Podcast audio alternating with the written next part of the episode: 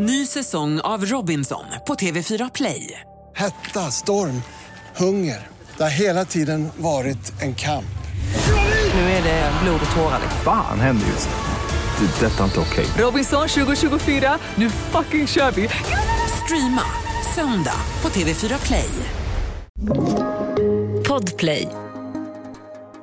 Välkomna till krimpoddarnas krimpodd Över min döda kropp med mig Anna Jinghede och Lena Ljungdahl.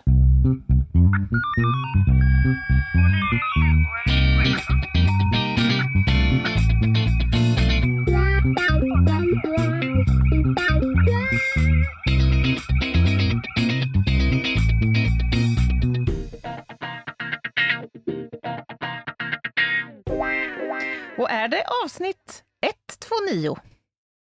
Det är det det är idag. Mm, Pass, pesetas, p-piller och prit. just det, de fyra pena som Mm. man ska ha när man gör vad då, Ljungdahl?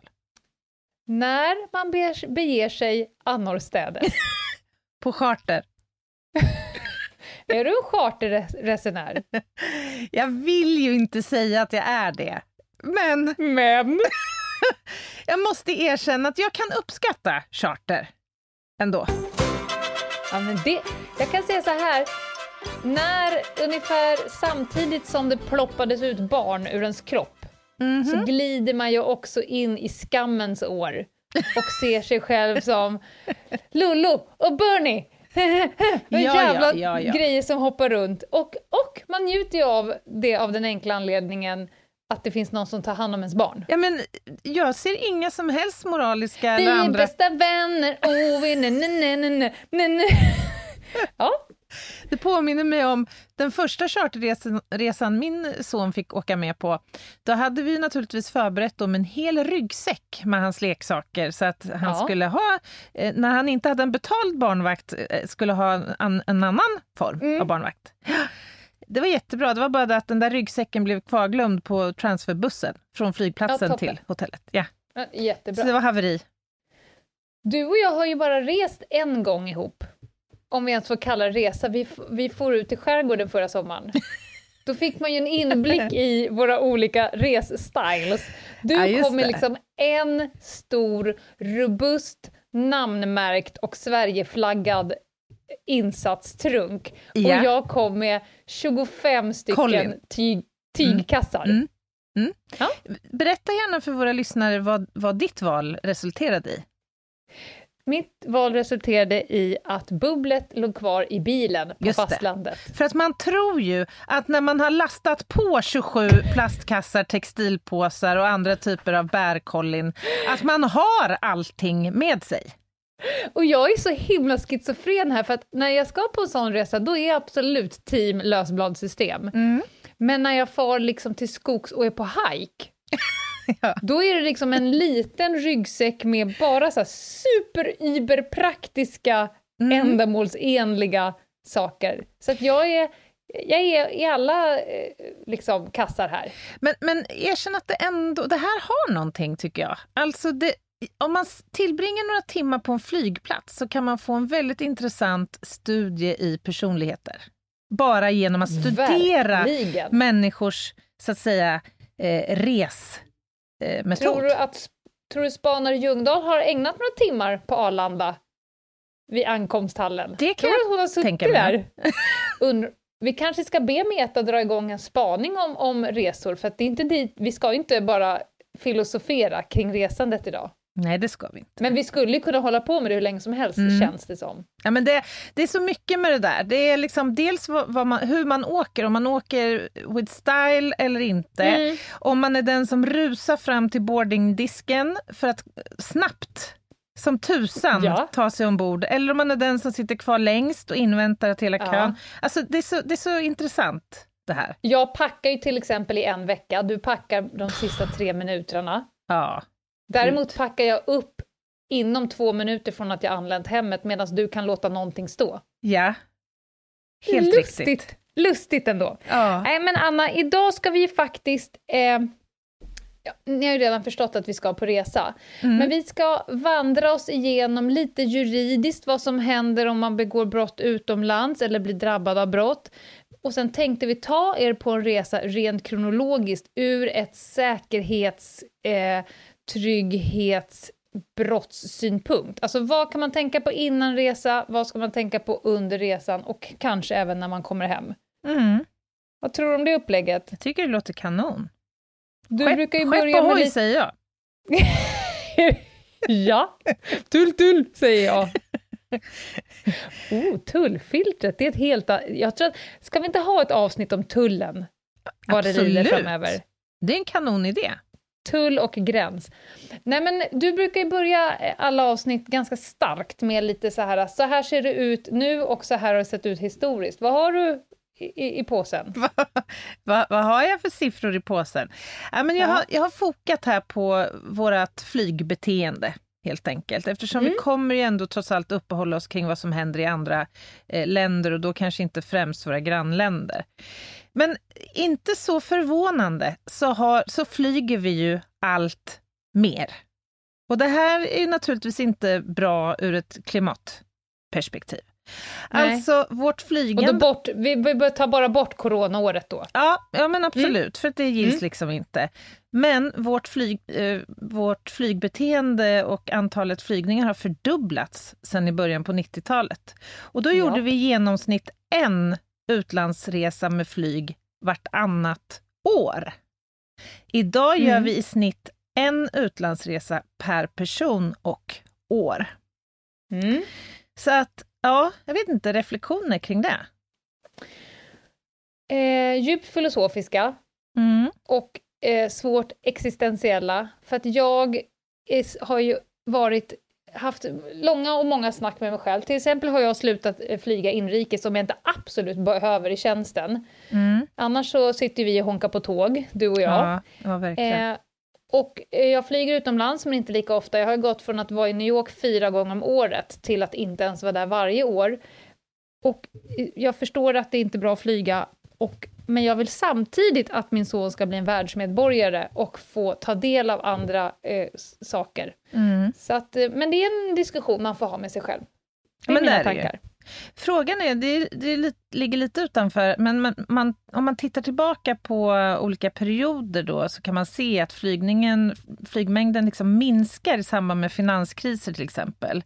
Eh, Mm. Och världshändelser. Efter 9-11 till exempel så minskade det och vid den senaste globala finanskrisen. Man kan ju fundera lite grann på vad pandemin har medfört i det här avseendet. Alltså kanske är det så att vi liksom på något sätt har avvant oss lite grann. Jag, jag tror kanske det på sikt, men jag tror att det finns ett förjävulst uppdämt behov. Mm. Så jag tror att det kan bli lite ketchup-effekten på resor och dessutom så har ingen kunnat gjort någonting. Så jag tror att reseplånböckerna i hushållsekonomin är ganska feta. Mm, kanske det är. Om man nu brukar vara på... Om man nu har den ekonomin att man brukar åka någonstans antingen på höstlov eller sportlov eller jullov och så vidare. Det har ju inte kunnat gjort på ett tag så jag tror att, det, att resorna kommer bli jättemånga när man får, för att sen kanske plana ut och bli lite mindre än vad det var innan. Mm. En grov gissning. Mm. Ja men säkert. Och gissningsvis så sker ju det mesta flygandet dels eh, inom ramen för någon form av tjänsteutövning, men också charter. Eller Mm. så här utlandsturism helt enkelt. Reguljärt. Ja, ja, reguljärt och charter. Mm. Men, och det är klart att man kan tänka sig att, eh, för det ska vi ju ändå uppehålla oss kring idag, vad som kan hända när vi befinner oss i, i andra länder. Och Mm. Jag har faktiskt försökt att hitta lite uppgifter om vilka de vanligaste tillbuden är eh, Mm. när, när vi är ute på vift, så att säga. Men jag har inte hittat något bra och jag kan tänka mig att det varierar ganska mycket mellan olika länder och olika delar av världen. I vissa delar av världen så är trafiksäkerheten betydligt lägre än andra. Eh, I vissa delar av världen har, finns det en utbredd korruption. Alltså Mm. jag tänker att det är ett antal faktorer här som så att säga inverkar på siffrorna här. Och jag menar, vi, vi kan ju principiellt ändå så här inledningsvis konstatera att vi kan ju naturligtvis utsättas för precis samma typ av eh, brott i andra länder som vi Mm. riskerar utsättas för i Sverige. Där är det ju liksom ingen skillnad. Vi är liksom inte fredade egentligen någonstans i världen. Nej, det är vi ju inte. Generellt så känns det ju som att trafikolyckorna måste ju vara on top. Mm. Alltså om man tänker på våra vägsystem, våra bilar. Ibland när man är ute och reser så är det knappt att det finns en väg, än mindre liksom, väggar på bilen. Nej. och massa turister som dessutom kör fulla. Ja, f- gud ja. Mm. Men jag blev lite nyfiken. Jag försökte också hitta uppgifter om, om vi svenskar, när vi kommer utomlands, eh, beter oss annorlunda rent eh, så här, kriminellt. Eh, Det har jag inte heller lyckats hitta någon siffra på.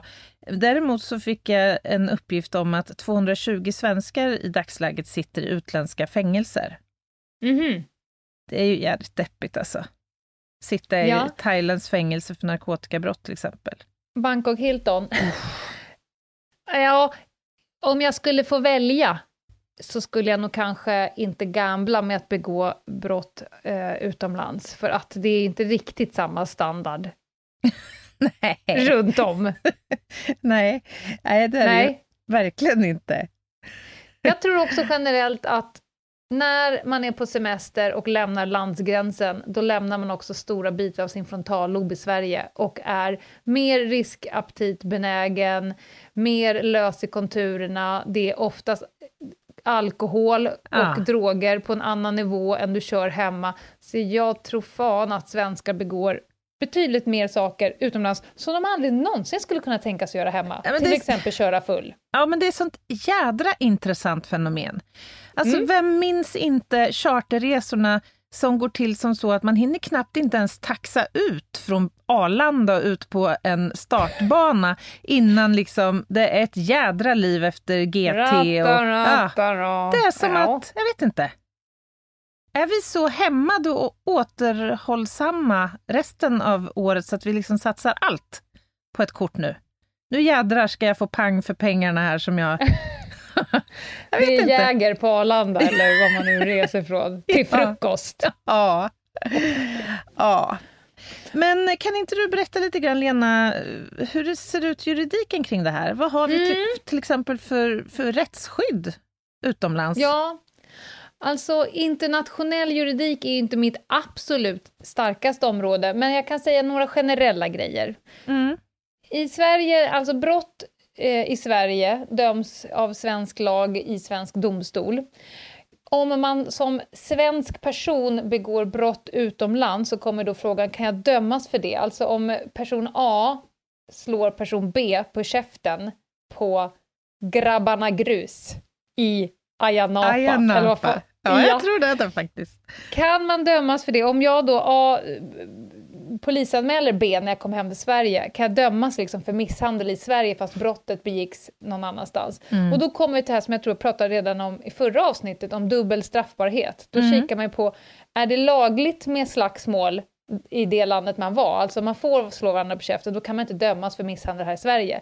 Men om det finns dubbel straffbarhet, det vill säga det är ett brott här och det är ett brott där, eh, så det- kan man då Ja, förlåt, jag, jag, jag blir så ny. Är det det här som Ja. kallas för extraterritorialprincipen? Ja, det, ja exakt. Det, dubbel straffbarhet heter det, men det här extraterritorialprincipen, det handlar ju väldigt mycket om det här med brott utomlands, kopplat till brottsbalken. Eh, Det finns några undantag. Om, brott, om det begås sexbrott på, mot folk som är under 18 utomlands, eh, då kan man enligt svensk lag eh, liksom stretcha sina befogenheter att döma straff. Eh, likväl, generellt så får inte svensk domstol döma ett strängare straff i Sverige än vad det strängaste straffet för samma brott skulle vara i det landet. Det är väl Så knappast säg- sannolikt för något, för något Nej, nej, nej, nej, det är en ganska hypotetisk fråga. Men när det kommer till sexbrott så kanske det till och med inte är olagligt i något land och då kan man döma det här för ganska stränga Mm. Ja, straff det. ändå. Så Men så gud, kan man det är säga ju- själv. Det är väldigt speciellt egentligen, om man tänker efter. Mm. Ja, men jag tror att jag var inne på det förra avsnittet, för till exempel de som åker utomlands och knarkar i länder där man får knarka, då kan vi inte döma för narkotikabrott här. Mm. Men det, Just det. Eh, då kan man ju kika, det, då tar man hjälp av Rättsmedicinalverket och sen kan de ta urinprov vid flera tillfällen och så kan de se om det faller eller eh, stiger koncentrationen. Då kan de helt enkelt säga att nej, du har rökt efter datumet du säger att du har rökt, Mm. till exempel. Mm. Ja, men, men det är lite kring det. Sen, jag kan bara gå in på, det finns en jättebra eh, hemsida som heter Sweden Abroad, som jag har jobbat mycket med under mina senaste år. Mm. Där man kan gå in och göra lite olika saker, jag ska komma till det sen. Men där kan man hitta grundläggande information, vad som gäller för alla länder. Sen kan man så gå in och söka för land för land. Så ska du åka till Nordmakedonien så kan du helt enkelt gå in och läsa på vad som eh, sker i Nordmakedonien. Om du nu planerar att åka dit och begå brott så kan du redan i förväg få en liten hint om om du är intelligent eller inte. Men generellt, eh, om du grips av polis utomlands så ska ambassaden informeras om du själv vill det. Då kommer Mm. ambassaden söka kontakt med dig och kanske besöka dig i det landet där. Då. Kommer fråga hur du mår och om du vill att dina anhöriga ska informeras här hemma. Mm. Eh, de kommer också eh, kämpa för att du ska få en offentlig försvarare och sen kan de följa rättsprocessen och hålla kontakt med din försvarare. Mm. Men, men, nu säger jag bara här gentemot alla andra filmer, ambassader kan inte på något sätt påverka en lands rättsprocess. Mm. De har ingen som helst uppfattning i någon skuldfråga och kan aldrig ordna med att du friges. Kan inte fungera som några juridiska ombud eller några tolkar. Så de är egentligen bara en brygga mellan eh, Mm. Svenska rättsinstanser och det här landet. Jag tycker det låter som, att, eh, en, som en väldigt dum idé att begå brott i ett annat land. Ja, Man, är ju, man kan tänka sig att man är extremt utsatt i den situationen. Faktiskt. Mm. så är det verkligen. Eh, det kan vara ganska hårda straff. Det är inte så att du helt plötsligt bara säger nej men jag vill hellre gå igenom den här rättsprocessen i Sverige och avtjäna i Sverige. Det går Mm. inte till så. Först när dom har fallit och vunnit laga kraft kan det bli aktuellt att ansöka om ett överförande av straffverkställigheten till Sverige då. då. Ja, och det där handlar väl också om vilka diplomatiska, eller vad ska jag säga, Japp. vilka avtal som finns mellan olika länder. Alla har ju inte heller utlämningsavtal. Det som gäller är att både Sverige och domslandet ska samtycka till det här. mm. Det finns alltså ingen rättighet att som svensk att få avtjäna sitt eh, straff i Sverige. Mm. Så att, eh, gamla på ni bara, om ni tycker att det är bra. Gamla. Ja. Men jag ska också säga att de allra flesta länderna i världen har ju skrivit under den här Wienkonventionen. Mm. Eh, och du ska underrättas om din rätt att få ditt lands ambassad eller konsulat informerat. Eh, men då vet vi att ambassaden blir ganska uddlösa när de väl blir informerade. De kan egentligen bara eh, hänga med och se vad som händer i rättsprocessen och typ underrätta dina anhöriga. Mm. Ja, det var det om det. Mm. Så om du vill undvika Bangkok Hilton, eh, begå inte brott utomlands. Typiskt bra tips. Typiskt bra tips. Eh, Anna, din eh, historik som resenär, vi har varit inne på det lite grann i Tsunami-avsnittet, alltså att jobba utomlands. Ja, just Så det. vi kan tipsa Mm. alla att lyssna på det avsnittet som är tungt, men Mm. väldigt informativt och helt klart på rätt eh, nivå av, av hur tungt det kan bli. Mm. Alltså man orkar lyssna på det, även Ja, det om det man. kan, man kanske fäller en tår. Det gör Mm. inget. Något annat då, som du vill säga? Nej, men alltså, som sagt, jag, jag, jag är inte jättebres. Alltså, jag har ju rest såklart en del i tjänsten på ganska Mm. mycket konferenser i eh, olika delar av världen. Men då har det ju varit uteslutande jobb jag har varit där för Mm. och väldigt lite egentligen turistande. An, annars så är det faktiskt charter, en del alpresor. Jag har ju varit svårt förtjust i alpin skidåkning så jag var i Alperna en del. Eh, jag har också utforskat eh, både Mallis och en del andra klassiska Ja. charterresmål. Men nej, och, och det mesta resandet jag har gjort på långdistans, det var just eh, 2005. Fram och tillbaka till Thailand ett antal Thailand. gånger. Mm. Har du någon drömresa, om jag får flika in med en okrimmig fråga? Jag hörde häromdagen om ett gäng som skulle åka till Mauritius. Jag måste säga Mm. att det lockar mig lite, det gör det.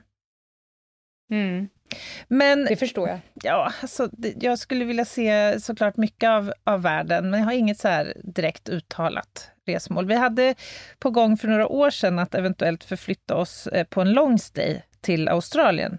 Mm. Eh, men det blev inte av eftersom jag råkade sabba ryggen ganska illa. så det är klart att det Va? lever väl lite kvar, så här, lite Ja. så här besvikelse över att vi aldrig kom iväg. Det hade varit ballt om eh, våra unga hade fått lära sig att prata engelska och Mm, kunna utforska ett land under lång tid och så. Men eh, Mm. ja, så är det. That's life. Men du då, Lena? Jag vet att du har ju varit just i, på så här lite mer exotiska ställen en hel del under din uppväxt. Ja, tänkte du på Maldiverna? Mm. Ja, där var jag, jag vet inte hur många gånger, långt över tio i Mm. alla fall, av olika anledningar. Nej men, eh, min resenärshistorik, jag har rest väldigt mycket. Mm. Vi var en, en resande familj.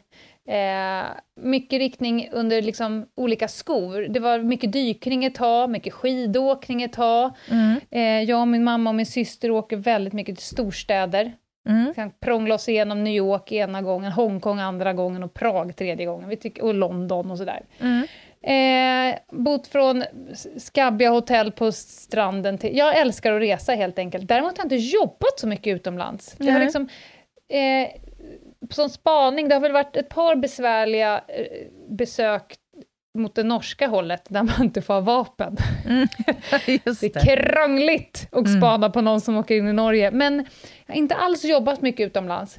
Nej. Eh, men, ja.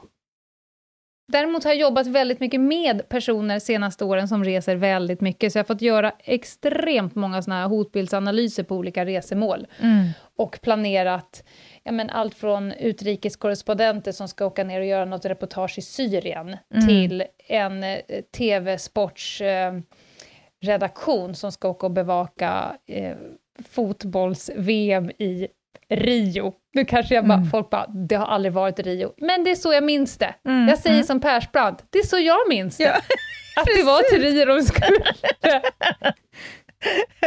Jag fick för övrigt ett intressant mejl häromdagen. Jag har haft en sån här stående resa varje år i maj till Lyon, till Interpols högkvarter, Ja, för vi har haft Mm. DVI-möte där. Nu kan vi ju av förklarliga skäl Du får inte... beskriva DVI. Ja, Disaster Victim Identification. Alltså Mm. det är en arbetsgrupp för frågor som rör metodstödet kan man säga. Och Ja. då har det här alltid skett i maj, eh, men i år så kan vi inte åka dit såklart. Så att nu, den här gången, så ska alla medlemsländer koppla upp sig via Zoom. Det ser, Fy det ser jag väldigt mycket fram emot. Jag hade så mycket vabbat. Jag hade vabbat för Doris och bara Ja. loggat ut. Och så på alla, Ja, Olika län, alltså på alla olika språk och det ska simultantolkas. Ja, det kan bli, jag tror att det kan bli lite av ett äventyr, så att säga. Och sen kommer du hamna i någon sån här uh, breakout eh, room med Ja. någon från Calcutta, ja. en från Skottland Ja. och två finnar. Och Du hör ingenting. Ja.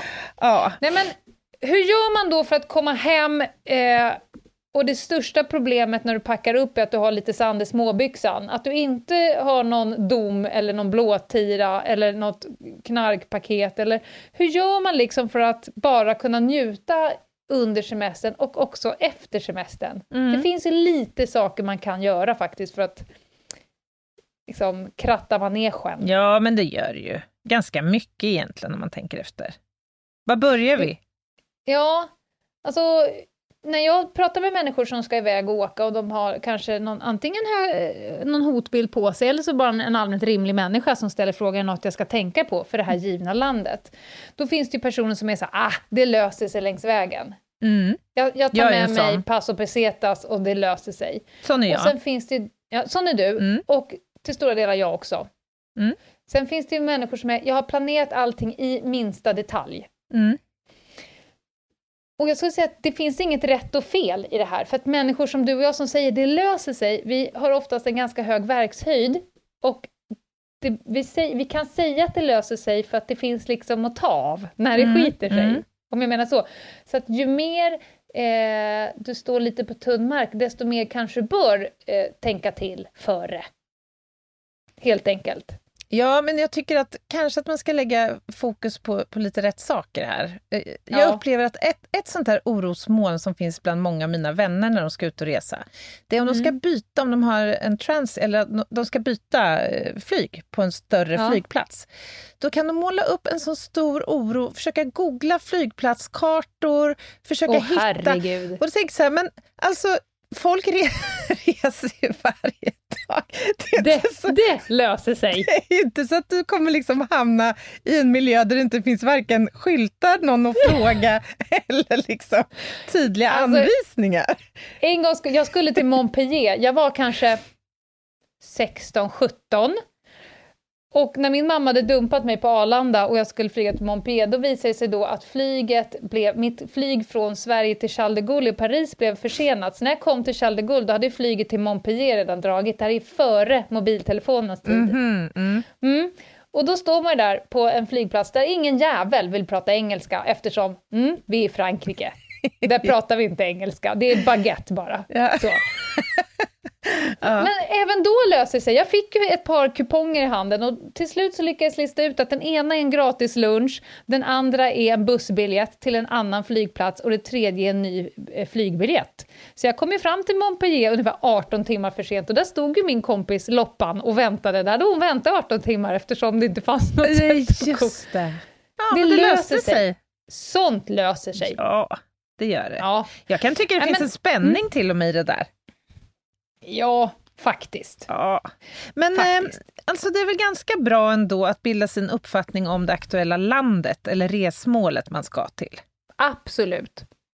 Absolut. Så är det ju. Det finns ju faktiskt länder och resmål som är antingen helt farliga, alltså till exempel när jag utbildar biståndshandläggarna på Sida. De åker till ett land för att det är någonting där, eller utrikeskårerna som ska bevaka ett krig. Då behöver man tänka efter före. Och pratar vi säkerhetshot då? Alltså, vad vet jag? Vi pratar alla Eh, hot. Det kan ja, vara att det inte finns någon sjukvård, det kan vara att eh, det finns risk för kidnappning, Mm, mm. det kan vara att eh, eh, folk inte förstår att de är press och det är dåligt. Det kan också vara att folk förstår att de är press och det är dåligt. Mm. Så att man måste liksom göra analysen, hur ska jag arbeta i det här landet Mm. För att minimera risken? Ska jag ha en tolk från landet eller ska jag en med mig härifrån? Vad, vilken typ av fordon ska jag sitta? Vilken typ av väg ska vi ta oss in i det här äh, samhället som vi ska till? Mm. Men det här är ju väldigt få människor som behöver tänka så här. Mm. Generellt så tycker jag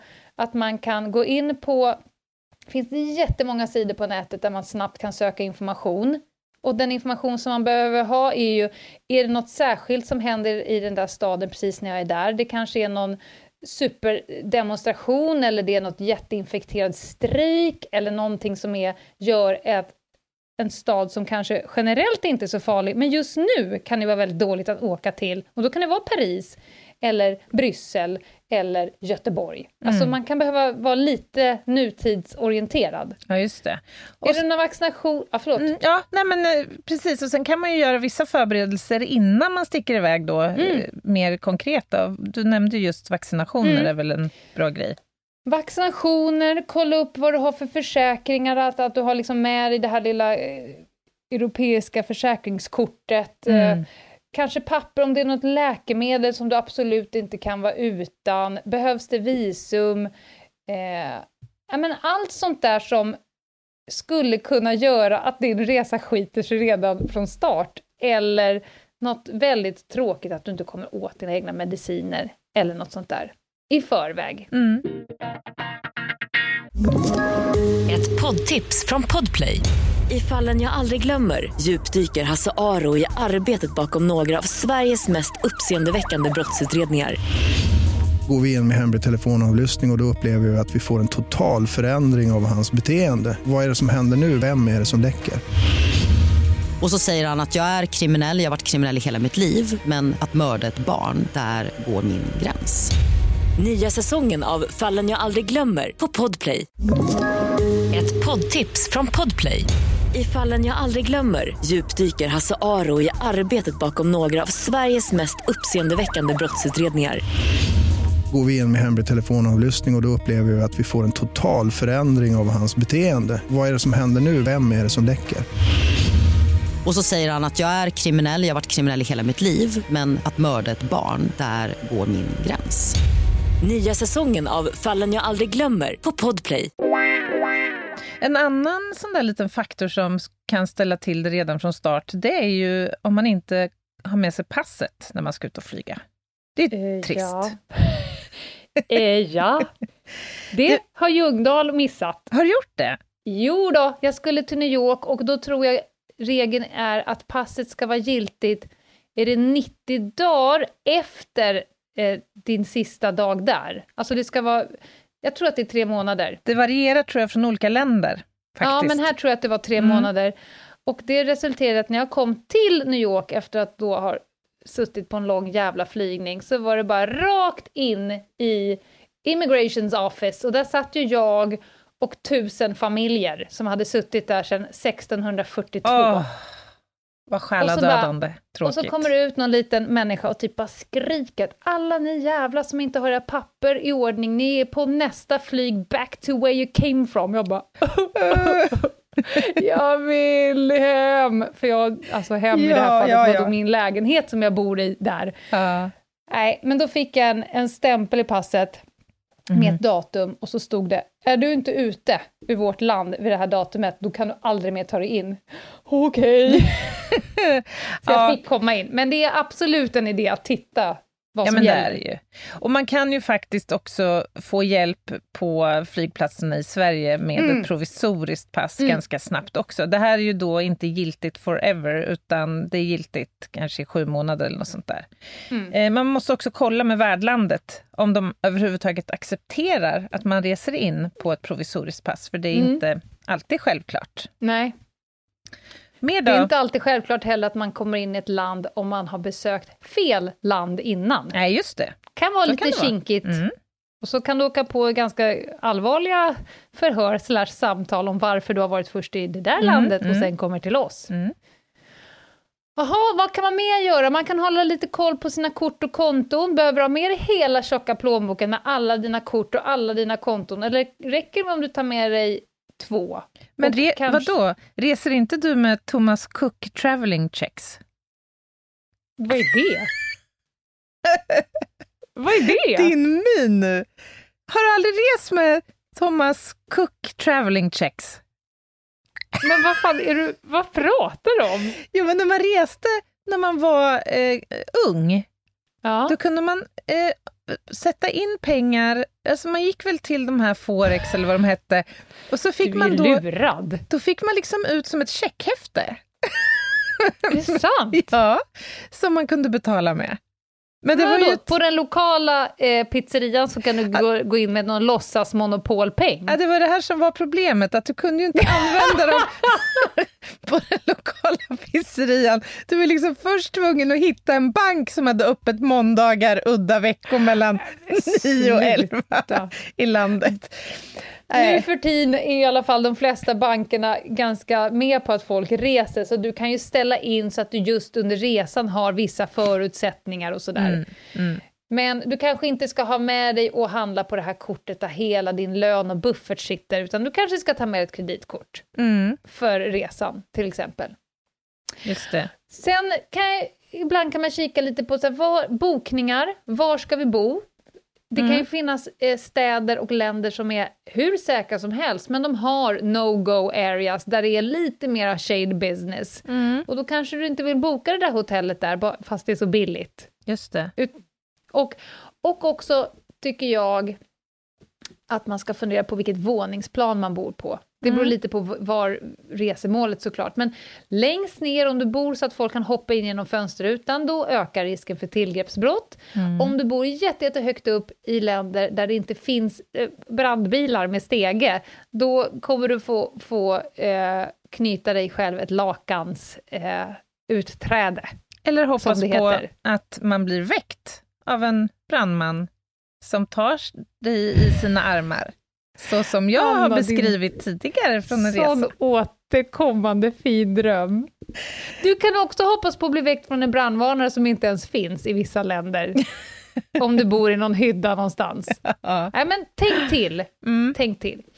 Sen, eh, lite olika saker som är smarta på datormaskinen. Swedenabroad.se är toppen. Du kan också skriva upp det där på någonting som heter Svensklistan. Mm. Det gör jag ibland. Då skriver man upp sig redan i förväg. Jag, mitt personnummer, mitt resesällskap, kontaktväg och så vidare. Och var jag ska bo och när jag förväntas komma hem. Mm. För om det någonting händer i det landet, då kommer de ju såklart UD försöka leta rätt på alla svenskar, men då har de ju i alla fall en lista för vilka de vet är Mm. på platsen. Så att, att anmäla sig själv på svensklistan tar 30 sekunder och är ganska smart. Sen har vi ju faktiskt UDs app också, Resklar. Den är inte heller så dum. Jättebra. Mm. Nej, den är jättebra. Ja, det var väl det innan. Och sen är det ju pass och pesetas och, och allt det där. Mm. Nu, nu vill jag säga, det vill jag säga redan i början på avsnittet, men jag glömde det. Mhm. Alltså, vi är ju inte vänner av konspirationsteorier eller paranoida eller något sånt där. Det är inte så att vi går i någon form av kata genom staden och är rädd för allt och alla. Men det finns faktiskt lite fiffiga saker som man kan göra som inte kostar något, som inte tar så mycket tid, men som skulle kunna hjälpa dig om det skulle skita sig. Och det är sånt som vi går igenom. Sen Mm. är det ju här jätteberoende på om du ska åka till pensionat Glada Laxen i Sunne.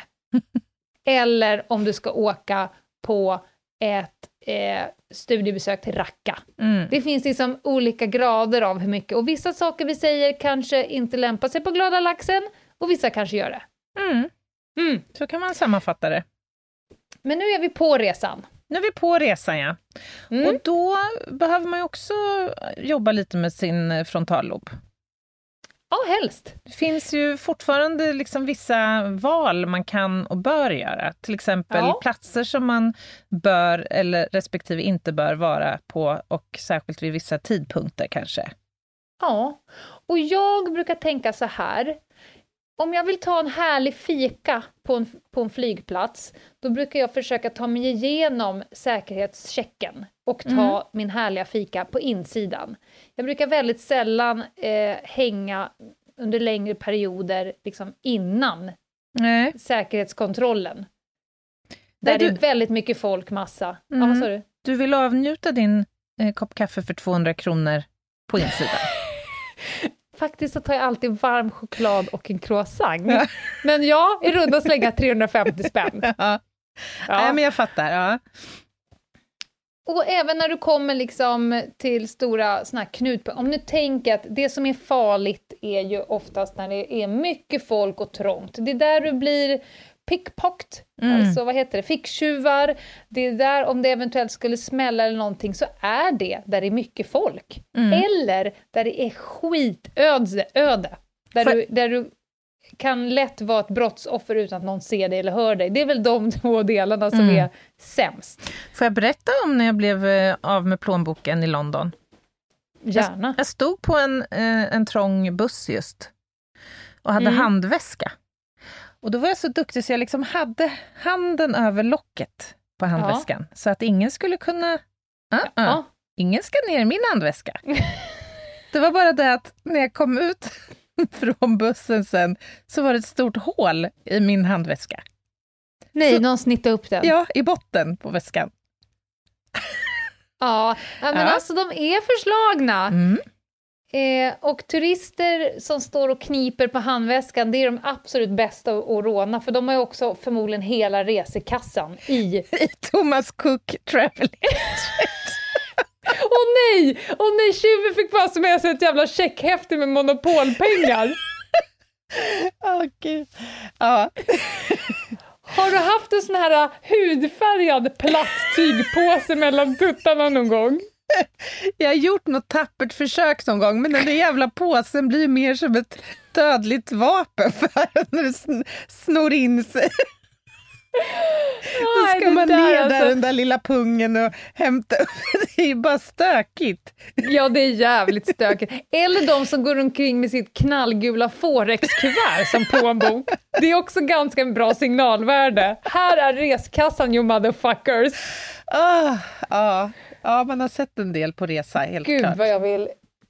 Jag hade, jag hade tyckt det var så fröjdefullt att sitta på en flygplats med dig en hel dag och Ja, bara sitta detsamma. och garva åt människors idioti. Ja, i alla fall, att uppträda lite street smart. Så här, jag nämnde nu signalvärde. Tänk på att offer alltid väljs ut. Mm. Gärningspersoner som har bestämt sig för att göra någonting, oavsett vilket typ av brott, de har ett, alltså ett motiv, de har någon form av kapacitet, de har förmodligen gjort det förr. De håller bara på att skanna ut platsen du är på, vem jag ska ta, oavsett om det är våldtäkt, eh, sno plånbok eller någonting annat. Mm. Och då bör man uppträda street smart. Du ska signalera ut att jag är inte den personen. Du får ta någon annan, för det är det tyvärr man säger med sin kropp Mm. och sitt sätt att bete sig. Så tänk på signalvärdet. När du utomlands tackar nej till allt. Mm.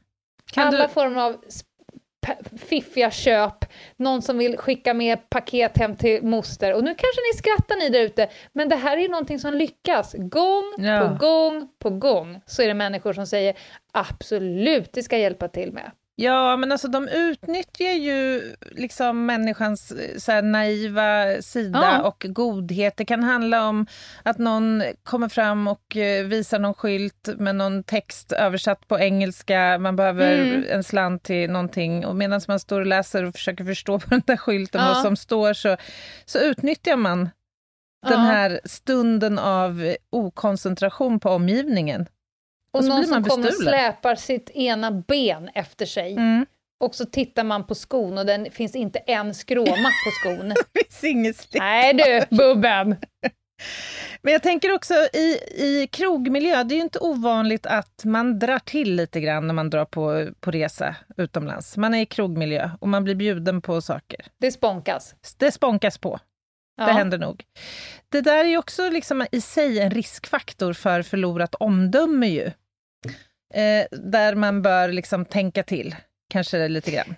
Nu ska jag berätta en liten anekdot som är lite jobbig eftersom jag vet att min mamma lyssnar på det här. Mhm.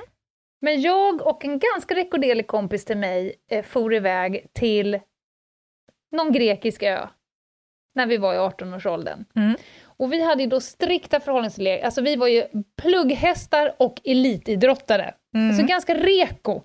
Men man kommer till Grekland, sponken åker fram och frontalloben vissnar ihop som ett jävla palettblad. When in Greece.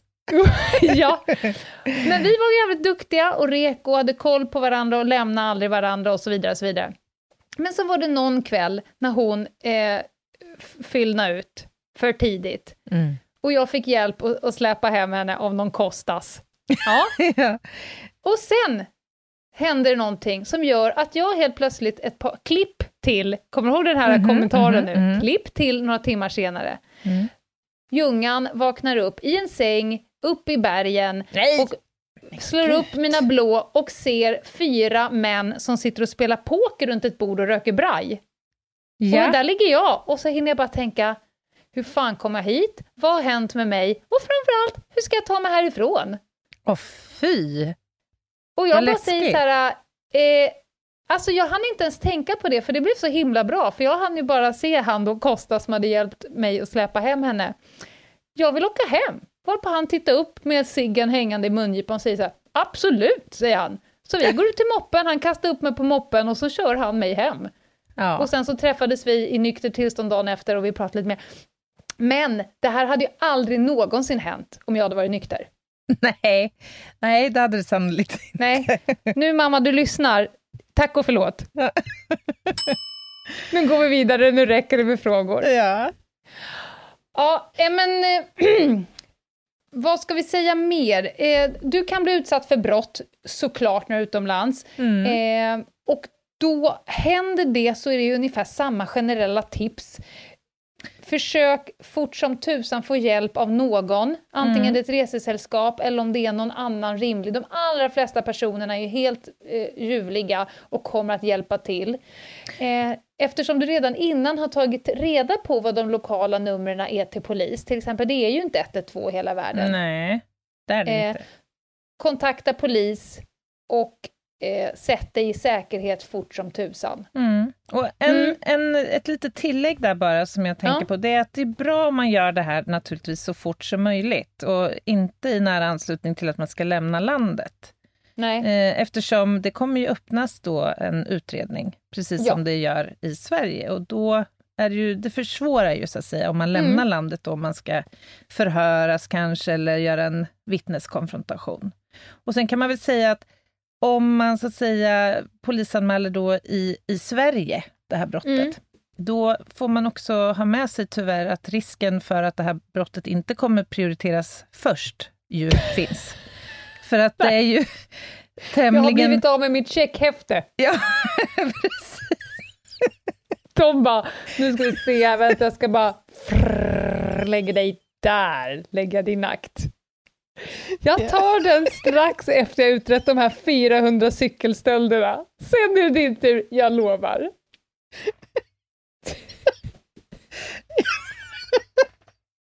Anna!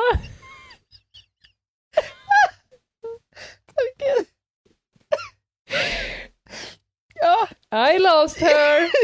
jag tyckte att jag förhöll mig ganska diplomatiskt till, till faktumet att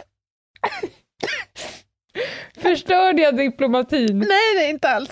Du var bara lite mer rätt fram än vad jag var, som vanligt. Så ovanligt. Åh, oh, jösses. Ja. Nej, men det är helt rätt. Och jag kan också lägga till det att det kan vara en god idé att fort som tusan ringa ditt försäkringsbolag. Mm. Mm. Verkligen. Sen finns det ju, ett, det kan vi nämna också, eh, om brottet har begåtts i ett EU-land, så finns det faktiskt vissa brottsofferdirektiv som gäller brottsutsatthet i just Mhm. de eh, länderna. Eh, Men ja, och det finns vissa kriterier som måste vara uppfyllda liksom för, Okej. för att man då ska driva en utredning enligt det här direktivet. Men ändå. Ja. Och jag kommer nu att göra reklam för ett kommande avsnitt som vi ska ha med allas vår metabroddare, som är en fena på interkulturell kommunikation och riskreducering genom kulturförståelse. Kan vara intressant, både inför resa, men även för eh, när du tycker att människor hemma i Sverige är dumma i huvudet. Och då kan den andra kulturen vara eh, en annat hockeylag Ja, just det. eller en annan eh, bostadsrättsförening. Ja. Det är alltså inte landsburet. Men det, det kommer vi till då. Men det jag ska säga att det, det kan vara bra att inte trampa i det så kallade klaveret. Mm. Att göra ett klavertrump. Ja, men faktiskt. Och det här handlar väl lite grann om att ta seden dit man kommer också. Eh, Det kan Mm. faktiskt ha sina fördelar Mm. många gånger. Ja, det kan ge dig försprång. Mm, absolut. Absolut. Lite grann skulle jag bara vilja säga om att hamna i en folkmassa. Om vi skiljer på vad en folkmassa och en folksamling är, så är väl massa när det är lite mer tr- trista boliner runt om. Mm. När det är lite, ett lite mer hot i det hela. Försök att inte hamna i folkmassa oavsett vad den består av. Om du hamnar där, försök eh, håll i dig i någon, rör dig längs eh, väggarna, eh, fatta tidiga beslut och försök trycka liksom ut mot någonting stabilt. Eh, flyger det saker så skydda ditt huvud.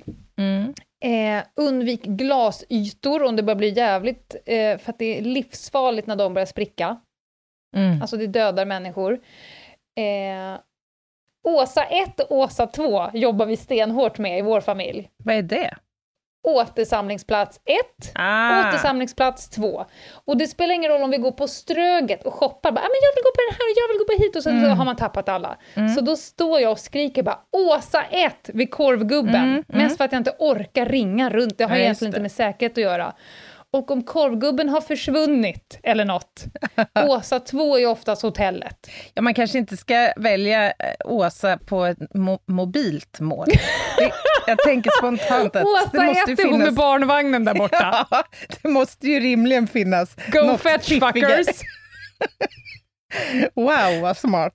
Ja, nej, men det är någonting jag skulle vilja att ni implementerar familjer, att ha en Åsa 1 och en Åsa 2, för rätt vad så sitter någon gubbe och surar på någon pub och dricker öl, och någon är på rea och sen har ni tappat alltihopa. Det är en klassiker. Mm. Absolut. När det kommer till bomber och granater, vi kommer ha ett helt avsnitt om bomber och granater och sen så tycker jag att ni kan lyssna på PDV-avsnitten igen. Men folkmassor är generellt dåliga att vara i, för om det smäller någonstans så är det där. Ja, och skulle man ha en sån enorm otur så att man hamnar mitt i en liksom katastrofsituation, då finns Ja. det liksom inga råd som den här podden kan ge som kommer att hjälpa dig nämnvärt i den stunden, tror jag. Nej, Utan, då är det fly, fly, ja, göm dig eller slåss. Då kan du gå tillbaka till PDV-avsnitten igen. mm, Där vi pratar ren och skär överlevnad. precis. Och fundera lite på dina, på dina stresshanteringsmekanismer. Ja, exakt. Ja, men det är lite generellt om resan. Ska vi ta oss hem också då? För nu har vi haft en härlig semester. Vi har köpt den här superhärliga duken på basaren. Vi har köpt en blommig... Vad sa du? Haremsbyxorna. Harembyxorna. Vi har ritat upp någon jävla plupp i pannan eftersom vi är så jävla down with earth helt plötsligt. Ja, så jag En tror liten... att en liten kylskåpsmagnet, va? Oh! Med en solros på. Ja. I Med, love med någon, Mallorca. ja, med ett djur som har helt fel, felaktiga proportioner så alla ser ut som ekorrar. Ja. Men sen kom vi hem i alla fall, och där, bli inte lurad på vägen hem. Där är du en annan typ av byte Mm. och offer. Folk som vill utnyttja det faktum att du är på väg från ett land till Sverige. Mm. Säg nej till allt. Eh, Ja. och, och sen när du kommer hem, var lite uppmärksam på din hälsa. Jag till exempel som var i Syrien i tre veckor, Mm. kom hem och sen fick jag ett brev av Smittskyddsinstitutet som Åh, sa nej. att Jajamän, Klamydia. du har varit... Vad sa du? Vad är klamydia? Nej, det var inte klamydia. Hur kunde de veta det utan att träffa mig? Jag tänkte det var smitt, smittskyddslagen. Ja, nej, det var så här att en i vårt resesällskap hade börjat må jävligt dåligt och varit och testat sig och haft shigella, Nej! som är en variant av salmonella. Fy. Så att alla vi som var i samma resesällskap var bara ett brev. Du får inte gå på offentliga på toaletter på tre månader. Oj, oj, oj. Tackar, tackar. Mhm, mhm. Ja, Mm. nej men, och sen så bara plocka upp kameran och eh, framkalla dina negativ ja. och börja om och planera nästa resa. ja, men precis. Det är bara att börja spara om sen när man kommer hem. Jag skulle säga, trots att vi tänker säkerhet och trygghet och så här, vad man kan tänka efter, före, ingen av du och jag är någon som undviker någonting för att det kanske skulle kunna Nej. hända någonting, utan det handlar ju bara om att du får förbereda dig lite mer eller på ett lite annorlunda sätt. Ja, man skulle ju inte våga leva om man förhöll Nej. sig så till saker och ting. Däremot så finns det ju vissa saker man kan eh, faktiskt försöka undvika och vissa Ja. saker man kan förbereda för att slippa hamna i en tråkig situation. Helt klart. Du ska snacks, snacks, du ska strax få glida in med en jätte, jätteviktig lista. Ja. Men först vill jag flagga för, idag när ni lyssnar på det här är det torsdag. Och idag anländer fru Jinghede till Nueva Estocolmo. Woho! Hon kommer att ha på sig ett eh, Suntrips nässkydd Mhm. och ha någon form av hatt på sig. Och en Och sen så kommer jag rulla in henne... Vad sa du? Ja, en hudfärgad liten pung runt halsen. Ja, och jag kommer rulla in henne på hotellet och säga invalido.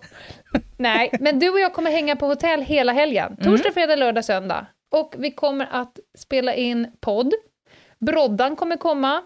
Eh, vi kommer att förmodligen bjuda på... Som alltid har vi vår livesändning på lördag kvart över elva, men tro oss, det kommer bli spontan live då och då på vårt Instagram som heter Ljungdahl och Ginghede. Sannolikt. Möt, Ja. möt oss där. Mm. Eh, någon kanske har någon härlig anekdot att dela med er av och då kan ni göra det på Ljungdahl och Ginghede at gmail.com. Men nu Gärna. Anna, ta oss annorstädes. Ja! Annas jätte, jätteviktiga lista. Och vi ska på resa. Underbart! Nej, men jag tänker helt enkelt den här veckan uppehålla mig på temat. Mm. Jag skulle vilja bredda din bild av hur jävla korkade människor kan vara när de befinner sig i flygplansmiljö. Den bilden kan inte bli bredare. Hur, Jo, jag korkad- tror det. hur, hur, hur låga mina tankar homo om som homo sapiens, det kan inte bli värre. Men try Ja, vi får se. Ja, men alltså, jag tänker inte ens bemöda mig med att beskriva de här fylle, liksom, grejerna som händer, slagsmålen och... Nej, det är light-version. Ja, det är lite light. Så jag går på de tyngre grejerna. Nej, Ja. Nej men jag, jag, tänkte jag tänker ge dig några exempel här. Vi börjar på plats nummer sex. Det är nu eh, Ryanair-flygning vi pratar om. Say Eh, no more. ja.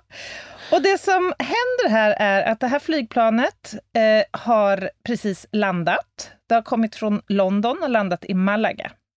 Men så blir, uppstår någon form av försening här, så att man får liksom inte komma fram och kan släppa av passagerare. Nej. Och då är det helt sonika så att det är en man som är så jädra less på att sitta och vänta. Mm. Så han öppnar helt enkelt nödutgången över vingen och kliver rätt ut på vingen.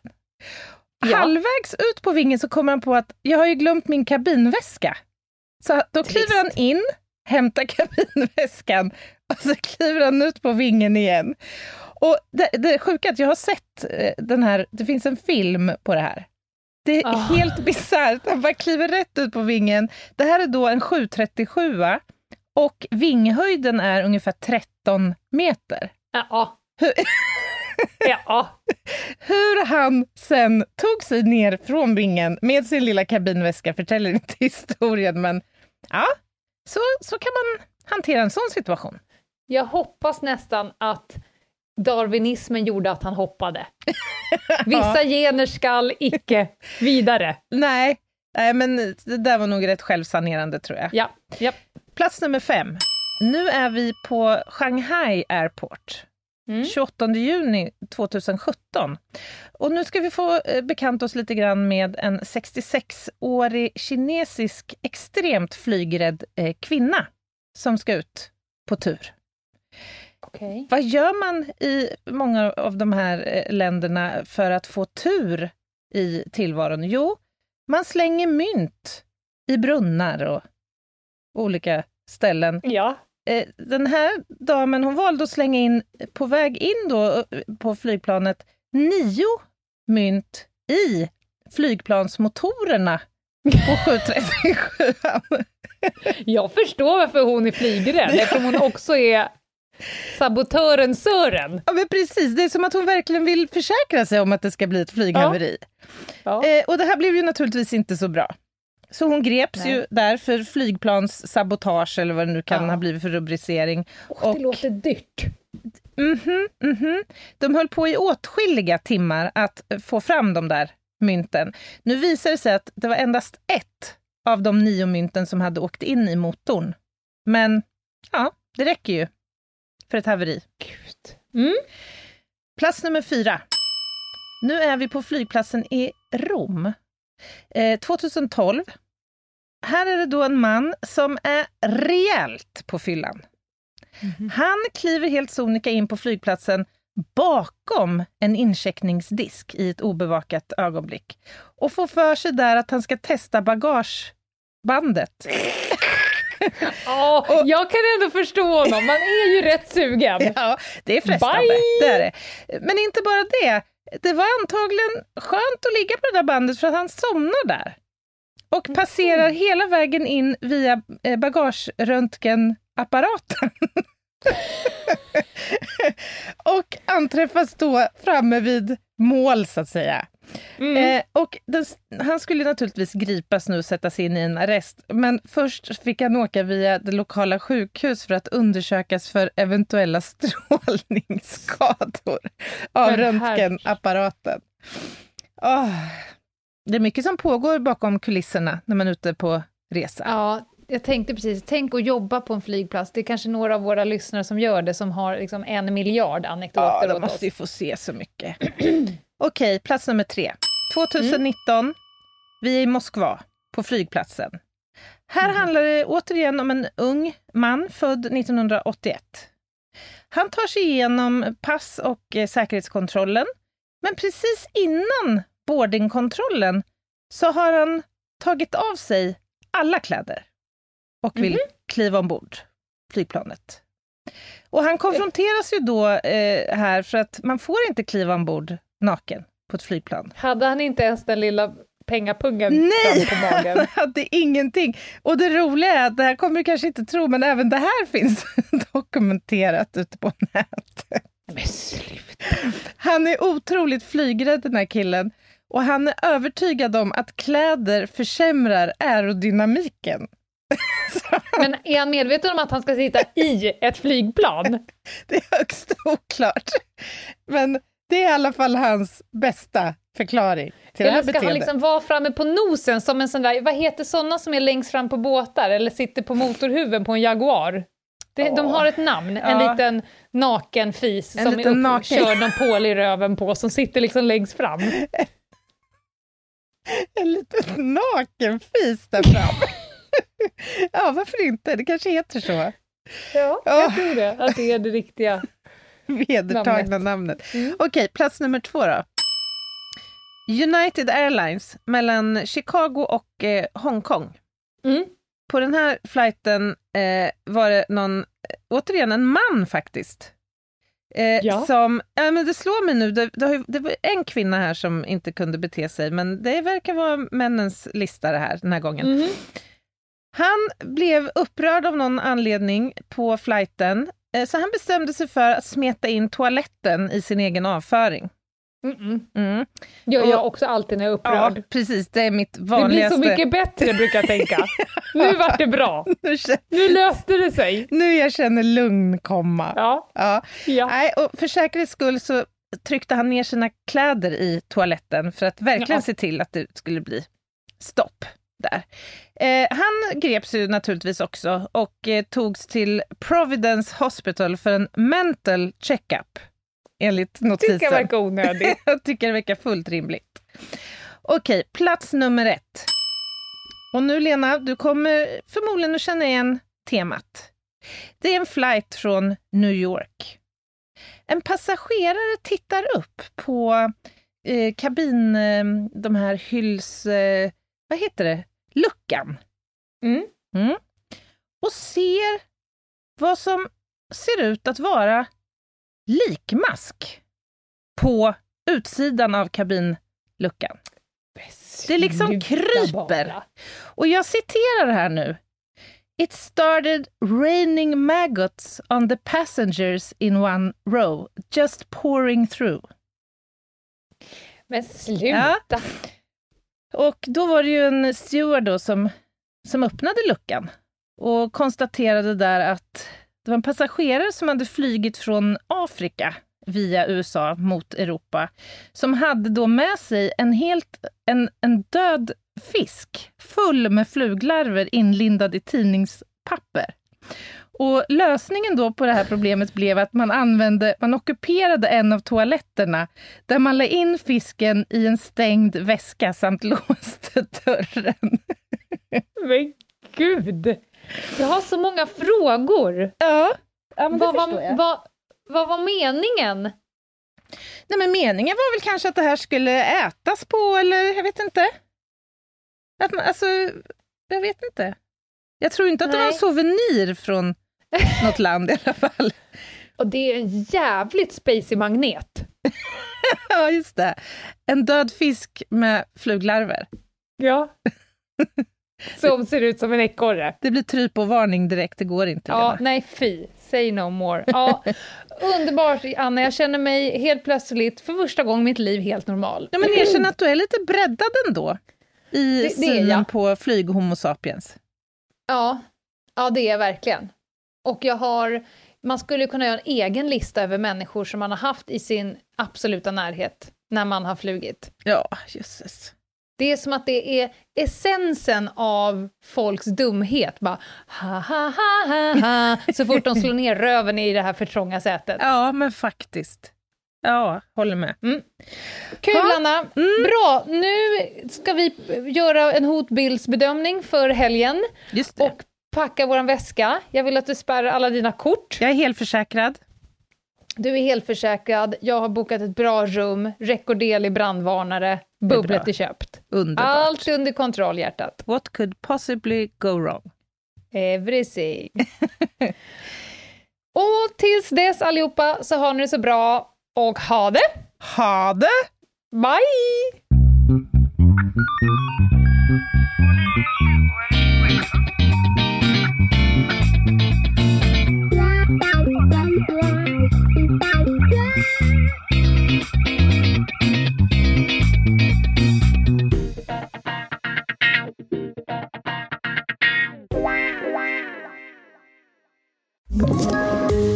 Poddtips från Podplay. I fallen jag aldrig glömmer djupdyker Hasse Aro i arbetet bakom några av Sveriges mest uppseendeväckande brottsutredningar. Går vi in med hemlig telefonavlyssning och, och då upplever vi att vi får en total förändring av hans beteende. Vad är det som händer nu? Vem är det som läcker?